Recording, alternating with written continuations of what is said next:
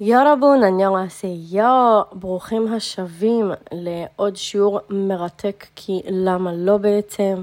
אז היום אנחנו הולכים לדבר על ארבעה שלבים בדייטים. עכשיו, קוריאנים אומרים שיש ארבעה שלבים, שככה פחות או יותר רוב מערכות היחסים מתחילות, מתקדמות או נעצרות באמצע.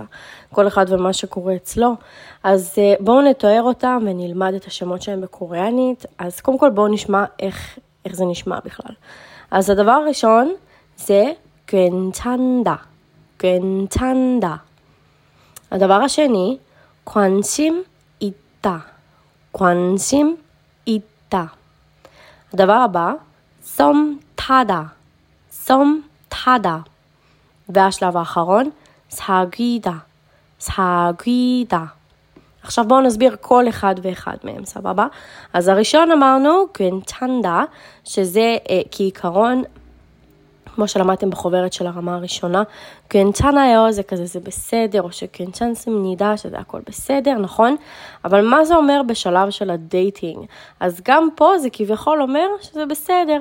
השלב שאנשים עדיין אה, רק מכירים, הם עוד לא יודעים כל כך אחד על השני, זאת שום דבר לא בטוח שמשהו יש ביניהם או יהיה ביניהם. יכול להיות שהם יישארו פשוט אה, ידידים, יכול להיות שזה יתקדם יותר, עדיין אף אחד לא יודע. אז זה השלב הראשון, קנצ'נדה. השלב השני זה קוואנצ'ים איתה, קוואנצ'ים איתה, שזה אומר ההתחלה של ההתעניינות. קוואנצ'ים זה התעניינות, ואיתה מהמילה איסאיו, שזה קיים. זאת אומרת שיש התעניינות, אוקיי? אז זה השלב השני. אז בהתחלה זה כזה עדיין לא ידוע, השלב השני זה כבר אוקיי, כבר מתחילים להתעניין משתי הצדדים, בואו נראה לאיפה זה אה, יגיע בהמשך.